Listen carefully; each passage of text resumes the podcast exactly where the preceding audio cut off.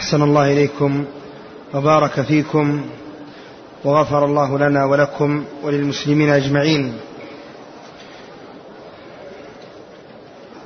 كثرت الأسئلة عن العشر من ذي الحجة وما ينبغي للعبد أن يفعل في هذه الأيام وما هي وما هذه وما هي العبادات الخاصة بهذه الأيام. نعم. العشر الأول من شهر ذي الحجة هي عشر مباركة وأيام فاضلة وهي موسم عظيم من مواسم الطاعة والتقرب إلى الله سبحانه وتعالى وهي أيام أعلى الله سبحانه وتعالى شأنها ورفع سبحانه وتعالى قدرها ونوه بها ففي القرآن قال الله سبحانه وتعالى والفجر وليال عشر. جاء عن ابن عباس وغيره أن العشر المعنية هنا هي العشر الأول من شهر ذي الحجة وأن قسم الله سبحانه وتعالى بها دليل على شرفها ومكانتها ومنزلتها عنده وأنها خير الأيام. وأهل العلم اختلفوا في أي العشرين أفضل. العشر الأول من شهر ذي الحجة أو العشر الأخيرة من شهر رمضان المبارك. والتحقيق في ذلك ما قرره بعض أهل العلم ألا وهو أن العشر الأخيرة أو العشر الليالي الأخيرة من شهر رمضان أفضل. لأن فيها ليلة القدر خير الليالي. والعشر الأيام الأول من شهر ذي الحجة خير الأيام لأن فيها سيد الأيام وخير الأيام يوم عرفة. فعلى كل نحن نستقبل أياما شريفة فاضلة عالية هي خير الأيام وأفضلها. ولها المكانة العلية. عند الله سبحانه وتعالى. والله يصطفي ما يشاء ويختار. وقد خص هذه الأيام بمزيد فضله واسع منه وجزيل إنعامه.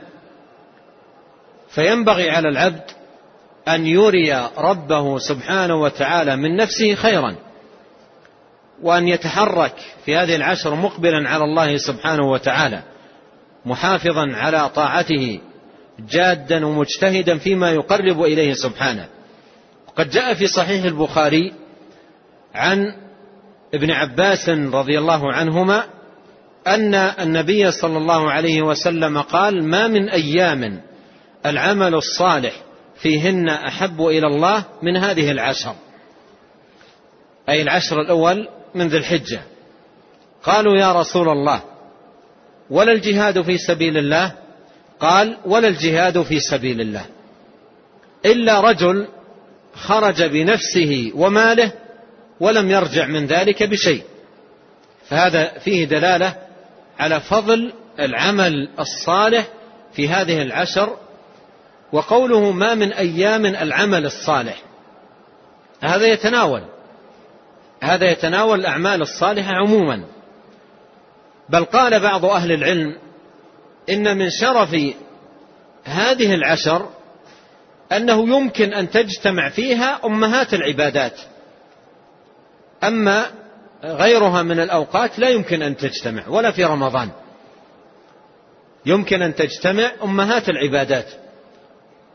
الصلاة والزكاة والصيام والحج.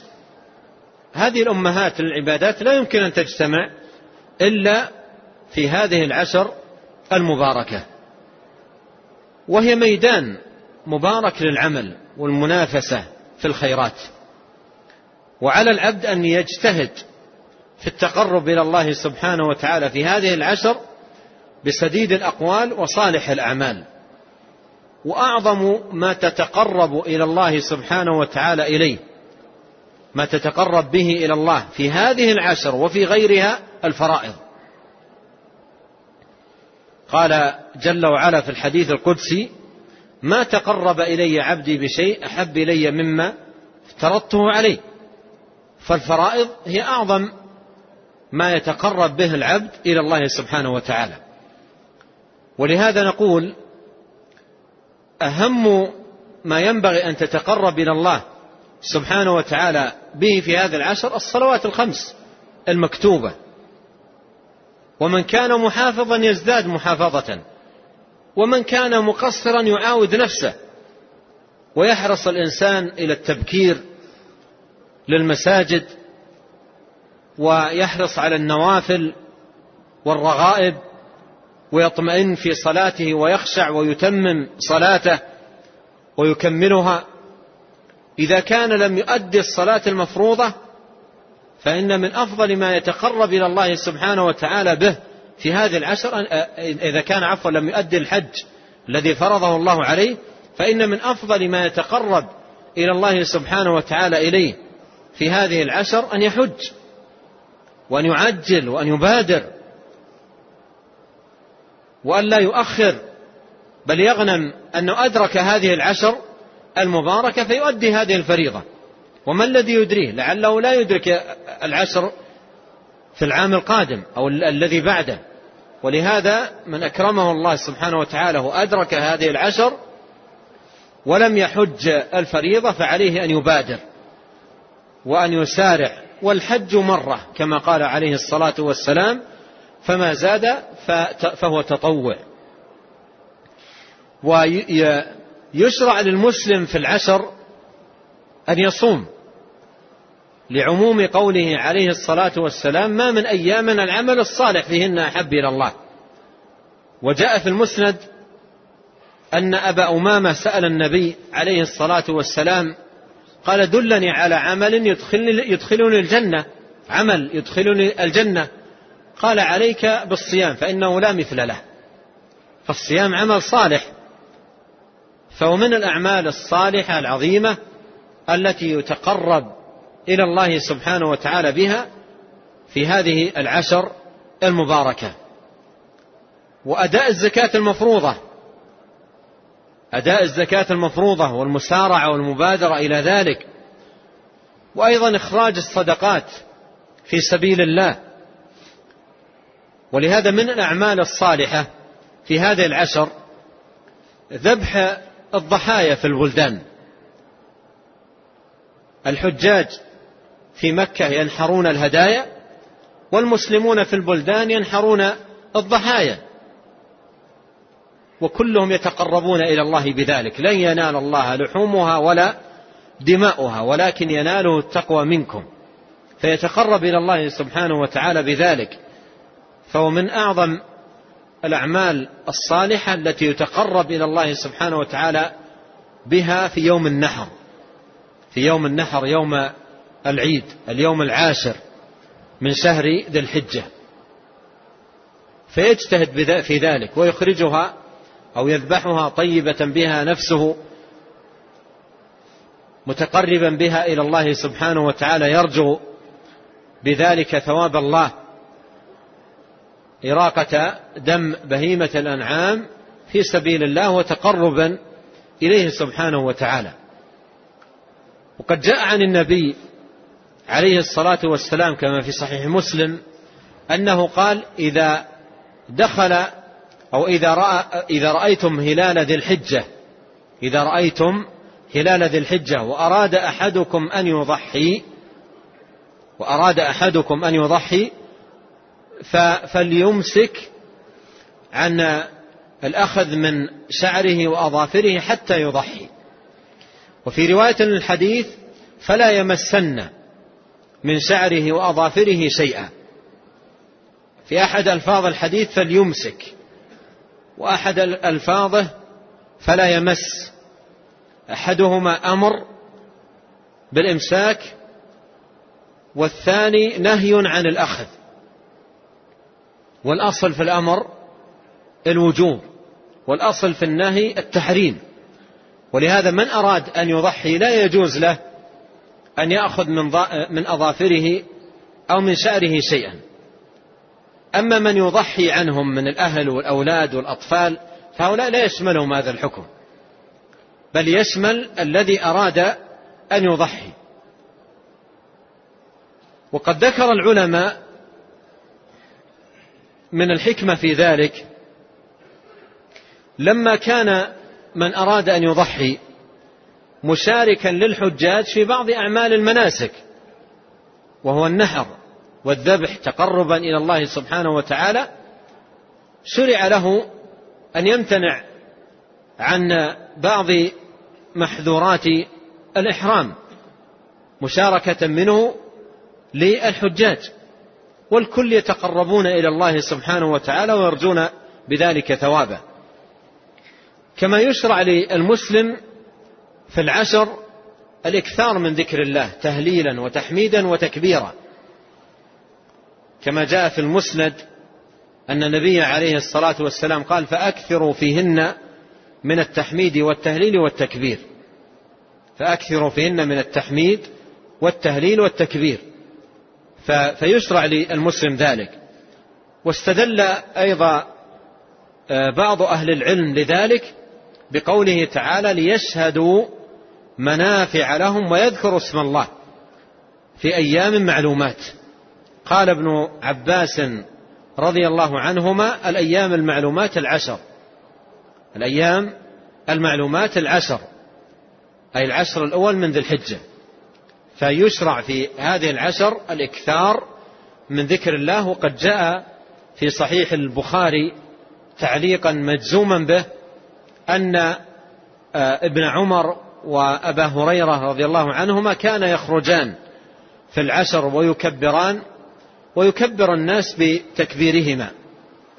أي يذكرون الناس عندما يرفعون أصواتهم بالتكبير وذكر الله فيبدأ الناس ينشطون لأداء هذا العمل. أما التكبير الجماعي بصوت واحد وبأداء واحد فهذا من البدع. لا دليل على مشروعيته ولا أساس له في سنة نبينا عليه الصلاة والسلام ولا في فعل الصحابة رضي الله عنهم وأرضاهم. والشاهد أن هذه العشر عشر مباركات وموسم عظيم للطاعات وفعل الخيرات فعلى العبد أن يحرص في هذه العشر على الخير وأن يستعين بالله تبارك وتعالى. أحسن الله إليكم. هذا السائل يقول هل الرياء أو السمعة تحبط عمل الشخص؟ الرياء نوعان. رياء خالص وهو رياء المنافقين. قال الله تعالى يراؤون الناس. فهذا كفر أكبر ناقل من الملة محبط للأعمال كلها. وصاحبه في الدرك الأسفل من النار. وأما يسير الرياء يسير الرياء وهذا يقع من الإنسان الموحد يأتي عليه بعض الأحيان فيقع في يسير من الرياء إما يزين عمل من الأعمال أو يسمع بعمل من الأعمال طلبا لمحمدة الناس وثنائهم أو نحو ذلك. فهذا لا يبطل الدين ولا يبطل الأعمال كلها وإنما يبطل العمل الذي خارفه. أحسن الله إليكم. هذا يقول هل, هل على الذي يكلف غيره أن يذبح له؟ آه كذلك لا يأخذ من أظافره ومن شعره ومن شعره. إذا, إذا كلف أحد غيره أن يضحي عنه مثل أن يعطيه شيء من النقود ويقول آه، آه، إذا جاء يوم العيد تذبح عني الضحية.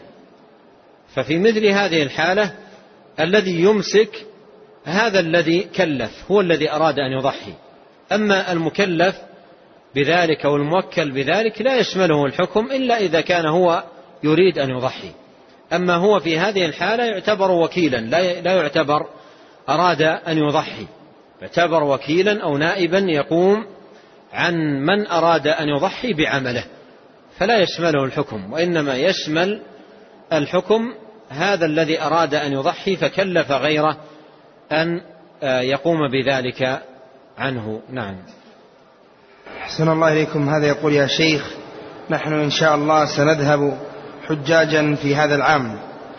ولكن يا شيخ قال لنا صاحب الباص أن نتجهز في بيوتنا لأنه لن يقف في الميقات فهل هذا الفعل صوابا؟ وكيف نعمل إذا مررنا بالميقات؟ لا لا حرج. لا حرج عليكم في ذلك. ولا بأس أن تغتسل في البيت وتلبس الإحرام في البيت. وإذا مررت بالميقات حتى وإن لم تنزل تلبي. مجرد المحاذاة. مثلك مثل أيضا من يمر بالميقات في الطائرة. فإذا حاذيت الميقات تلبي. إن تيسر أن تنزل في الميقات وكان يوافق صلاة فتصلي مع الجماعة أو تصلي في المسجد ثم بعد ذلك تلبي فهذا أفضل. لكن إن لم يتيسر ذلك لا حرج عليك.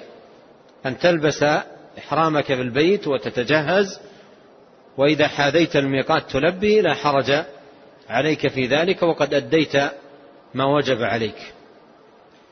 الحاج الذي يريد أن يضحي أيضا هل من بداية العشر؟ الحاج الذي يريد أن يضحي نعم يشمله الحكم. لا يأخذ من شعره وأظفاره شيئا حتى يضحي. إلا شيء واحد وهو التقصير من الشعر إذا كان متمتعا.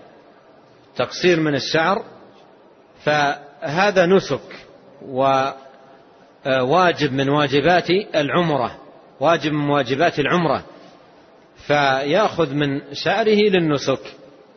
أما في أثناء العشر ليس له أن يأخذ من شعره ولا من أظفاره إذا كان يريد أن يضحي. بالنسبة للعشر متى تبدأ؟ يعني هل هو ليلة العشر أم العشر تبدأ بالإعلان عن دخول العشر بإهلال الهلال. بإهلال الهلال إهلال عشر من ذي الحجة تبدأ آه، العشر نعم. أحسن الله إليكم. هذا السائل يقول بعد الانتهاء من مناسك الحج سوف أعود إلى المدينة ثم إلى مكة مرة أخرى ثم السفر إلى بلدي. فمتى أطوف طواف الوداع؟ تطوف طواف الوداع إذا أردت أن تخرج من مكة إلى المدينة منتهيا من أعمال الحج. ففي ذلك الوقت تطوف طواف الوداع. ولا تمشي إلى المدينة قبل أن تؤدي طواف الوداع. بل طوافك للوداع قبل مغادرتك مكة إلى المدينة هذا واجب. من الواجبات عليك في حجك. نعم. هذا يقول أنه حج في العام الماضي. أديت حج الحج في العام الماضي مفردا علما بأنني أديت عمرة في أول ذي القعدة. ثم رجعت إلى المدينة فهل علي شيء؟ أعد. يقول في العام الماضي أديت حج الإفراد علما بأني أديت عمرة في أول ذي القعدة ثم رجعت إلى المدينة فهل علي شيء؟ آه، أعد مرة ثالثة في أول إيش؟ يقول في العام الماضي أديت الحج يعني مفردا علما بأني أديت عمرة في أول ذي القعدة في أشهر الحج. نعم. ثم رجعت إلى المدينة هل علي شيء؟ إذا كنت من أهل المدينة إذا كنت من أهل المدينة رجعت إلى بلدك انقطع. بذلك التمتع. أما إذا كنت لست من أهل المدينة إذا كنت لست من أهل المدينة واعتمرت وجئت إلى المدينة ثم رجعت إلى مكة سواء رجعت إليها بعمرة جديدة أو رجعت إليها بالحج وحده فإنك في هذه الحالة تكون متمتعا ويكون عليك في هذه الحالة هدي التمتع. لقوله تعالى فمن تمتع بالعمرة إلى الحج فما استيسر من الهدي فمن لم يجد فصيام ثلاثة أيام في الحج وسبعة إذا رجعتم. أحسن الله إليكم. هذا يقول أدعو عند السجود لأبنائي وأهلي وأصدقائي بذكر أسمائهم. فهل هذا جائز؟ بعض أهل العلم لا يرى في ذلك حرجا. لعموم قول النبي صلى الله عليه وسلم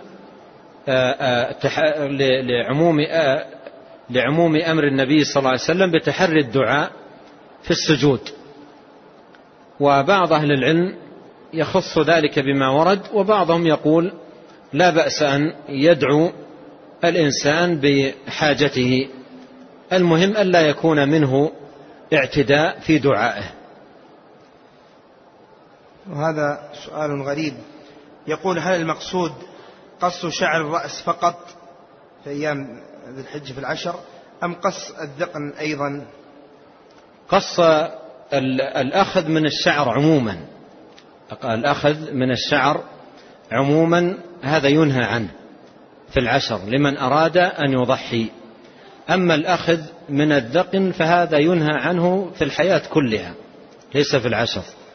ينهى عنه في الحياة كلها ليس في العشر فقط. لأن النبي صلى الله عليه وسلم قال أرخوا اللحى أسدلوا اللحى أكرموا اللحى. وإذا أكرمك الله سبحانه وتعالى في هذه العشر فأطعت الرسول عليه الصلاة والسلام بعدم الأخذ من الشعر ومن الأظافر طاعة للرسول عليه الصلاة والسلام فأطعه في العام كله في الحياة كلها بعدم الأخذ من, من, من اللحية لأن الذي أمرك ألا تأخذ في العشر من شعرك وأظفارك هو الذي أمرك ألا تأخذ أو ألا تحلق لحيتك في حياتك كلها. فلماذا تطيعه في العشر ولا تطيعه في بقية حياتك؟ حسن الله إليكم. هذا يقول أتيت لأؤدي فريضة الحج ومعي نسوة أميات لا يتقنون دعاء فهل يجوز لي أن أجهر بالدعاء ليتابعوني في ذلك؟ علمهن الدعاء ولو أشياء قليلة مثل ربنا آتنا في الدنيا حسنة وفي الآخرة حسنة وقنا عذاب النار. تحفظهن هذه الأدعية وتحثهن على الإكثار منها.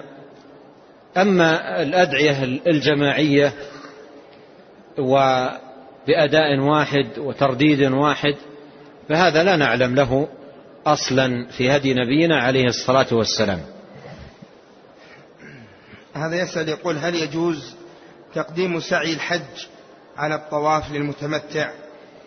الأصل أن يأتي المسلم بأعمال يوم النحر مرتبة. رمي ثم نحر ثم حلق ثم طواف ثم سعي. هذا هو الأصل. أن يأتي بها مرتبة. لكن لو حصل له ظرف أو شيء فحصل تقديم لهذه الأعمال بعضها على بعض فقد قال النبي صلى الله عليه وسلم لا حرج لكن الأصل آه، أن يأتي بها مرتبة كما جاءت عن نبينا عليه الصلاة والسلام وكما قال لتأخذوا عني مناسككم. أيضا الرمي قبل الزوال هل هو جائز؟ الرمي قبل الزوال لم يفعله النبي صلى الله عليه وسلم بل في الثلاث الأيام أيام التشريق كان يتحرى أن تزول الشمس ثم يرمي. يتحرى أن تزول الشمس ثم يرمي. والحمد لله الآن الأمور ميسرة في الرمي والأماكن واسعة ومرتبة فيجتهد الحاج أن يكون رميه بعد الزوال. والله تعالى أعلم وصلى الله وسلم على رسول الله